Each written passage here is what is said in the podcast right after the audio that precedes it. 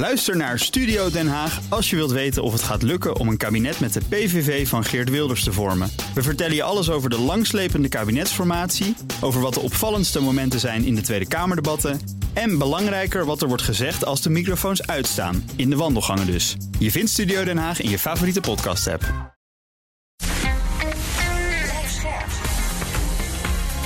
BNR Nieuwsradio. Boekenstein en de Wijk.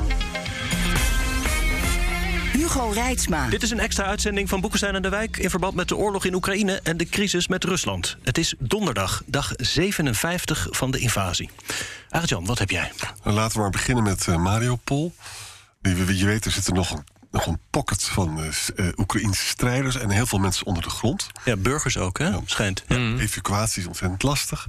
Maar goed, wat, nu heeft dus... Uh, Poetin in al zijn edelmoedigheid besloten... ik ga dat niet allemaal plat bombarderen, maar ik ga ze gewoon uithongeren. Dat was de, het aanbod ja, dat Poetin ja, nu had. Het is echt erg om over te lachen, maar het, het is natuurlijk ook verschrikkelijk dit. Het is echt vreselijk.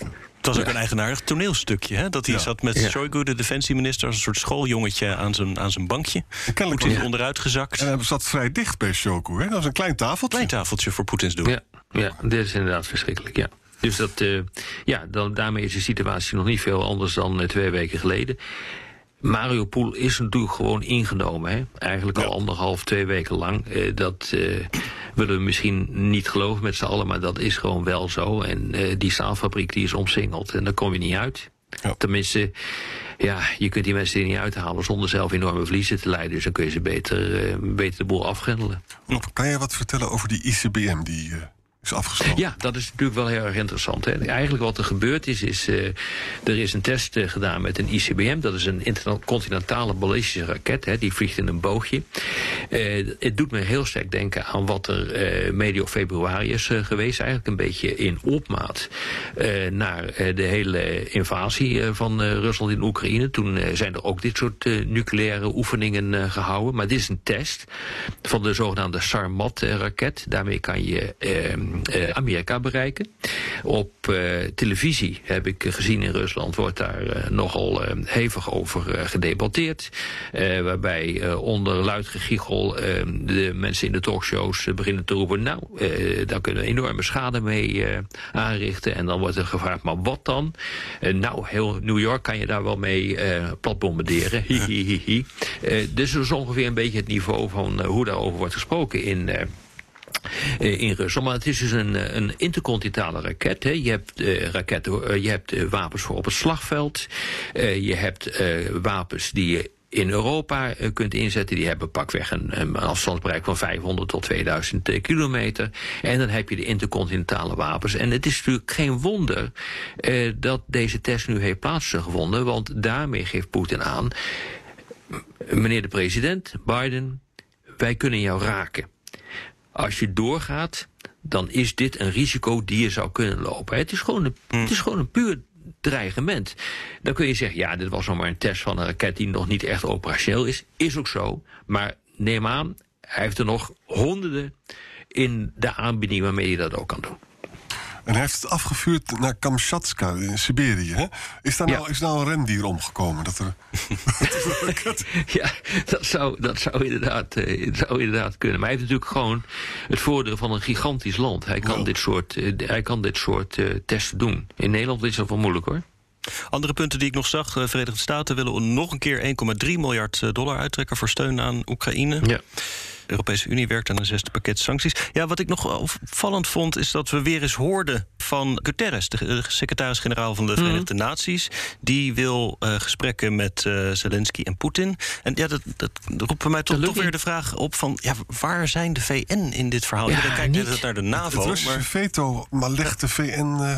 Ja. Gewoon helemaal lam. Ja, nee, maar, ja, zeker. Maar het is meer dan dat. Hè. Alle partijen, alle permanente leden van uh, de VN... die zijn op een of andere manier betrokken bij uh, deze oorlog. Dus de Amerikanen, de Fransen, de Britten... Hm. die staan aan de westerse kant. Nou, uh, dan heb je Rusland, dat is de grote boosdoener. En dan heb je China, die doet niks. Maar door niks te doen, kies je de facto partij voor Rusland. Dus alle leden van de van de, van, de, van de Veiligheidsraad, althans de permanente leden, dus de overwinnaars van de Tweede uh, Wereldoorlog en dus ook de kernwapenmachten uh, van, uh, van de wereld, die, ja, die verlammen totaal, echt totaal die, eh, eh, die Veiligheidsraad. En daarom verschuift het nu ook naar de Algemene Vergadering. Hè. De grote resoluties, de veroordelingen worden niet meer uitgesproken door de Veiligheidsraad, waar dat zou moeten gebeuren, maar eh, door de Algemene Vergadering.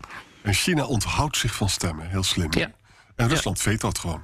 Ja. En heeft dat dan enige praktische betekenis, zo'n resolutie van de Algemene Vergadering? Kan je daar wat Nee. mee? Het is niet bindend. Nee. Nee. Nee, het is niet bindend, maar ja, je moet je überhaupt door resoluties, je moet je, je moet je ook wel willen houden aan een resolutie. En als je denkt van dat komt me even niet uit, dan doe je dat natuurlijk niet. Zeker niet als je denkt dat je tot de belangrijkste machten van de wereld behoort. Ja. Was het ook niet een keer Zelensky die, dat was geloof ik gericht aan de Veiligheidsraad, zei... als jullie niks doen, moet je je toch eens afvragen waarvoor je daar eigenlijk zit.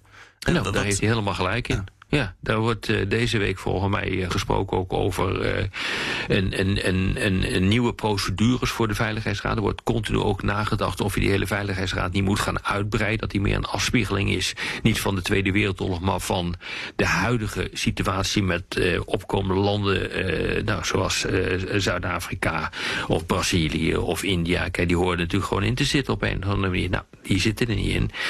Dus het, dit wordt een oeverloos gebed.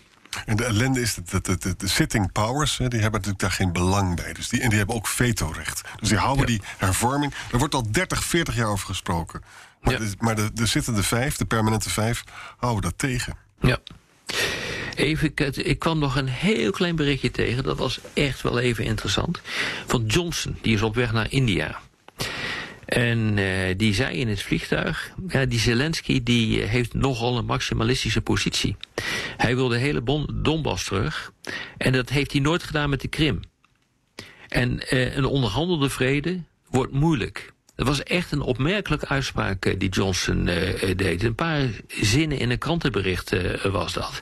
Maar dus kennelijk vindt Johnson dat Zelensky op een of andere manier overvraagt. En dat hij, eh, dat hij er rekening mee moet houden dat hij gewoon een deel van die, van die Donbass kwijt is. En, en overigens heeft hij ook een punt. Hè, want het betekent, natuurlijk is de Donbass gewoon van de Oekraïne. En natuurlijk is het vreselijk wat Poetin doet. Maar als je die oorlog wil stoppen... dan betekent dat ook dus een, een, een- stukje land weggeven. Dat is gewoon een dilemma tussen recht en vrede. Ja, dat is ook zo. Alleen ik denk dat niemand daar op dit ogenblik aan toe is. En vandaar dus dat die wapenleveranties eh, doorgaan.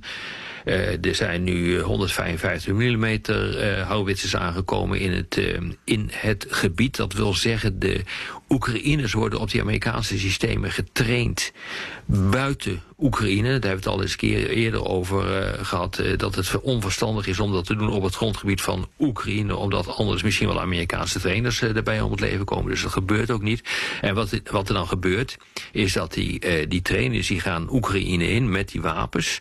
eh, vervolgens weer nieuwe mensen op eh, te leiden. En zo hopen ze dus eh, oh, binnen, binnen een korte tijd. Zo'n opleiding duurt een week. Dan kan er kennelijk mee schieten.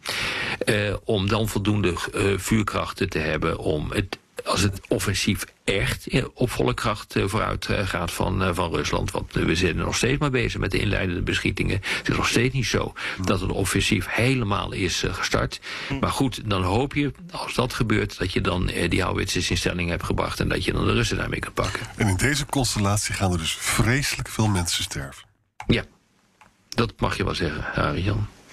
Even kijken, ik had hier nog een vraag. Ik ben even kwijt van wie. Maar de vraag is de volgende.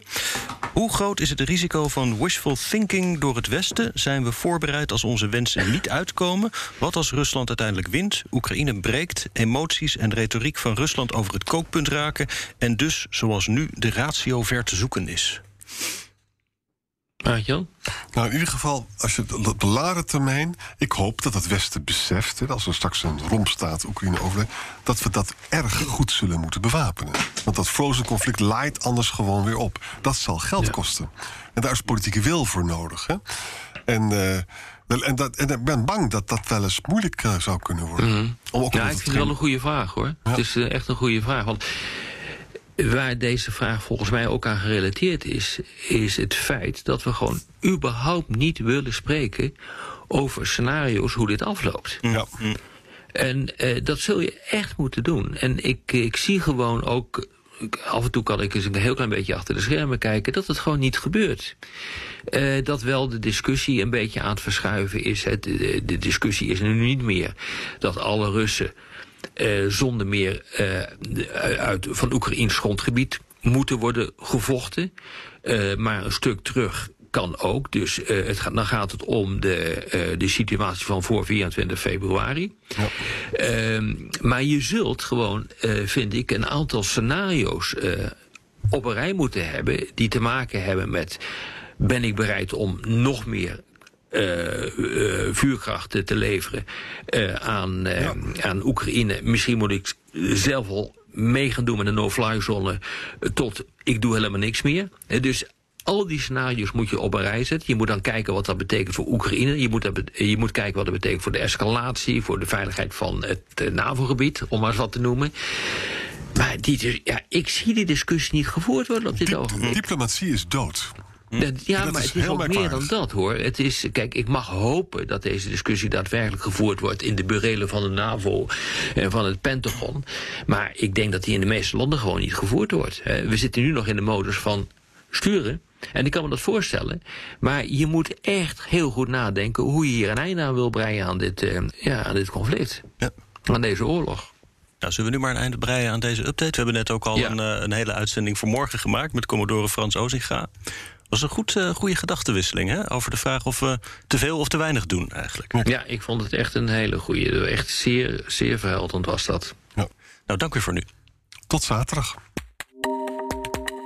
Hoi, ik ben Geert-Jan Haan van de Perestrooikast. Een Russische socioloog in ballingschap met de naam Alexander Biekbov is de nieuwste gast in de Perestrooikast. Floris en ik hebben met hem gesproken in Parijs. En we spraken met hem over Frankrijk, over Italië. Landen die Poetin toch nog blijven steunen, die die banden niet willen loslaten. En tegelijkertijd zeggen ze dan in Italië: wat een uitslover, die Zelensky. Over die Europese narratieven richting Rusland en vice versa hebben we het in onze nieuwste Perestrooikast. Zoek hem op in je podcast-app.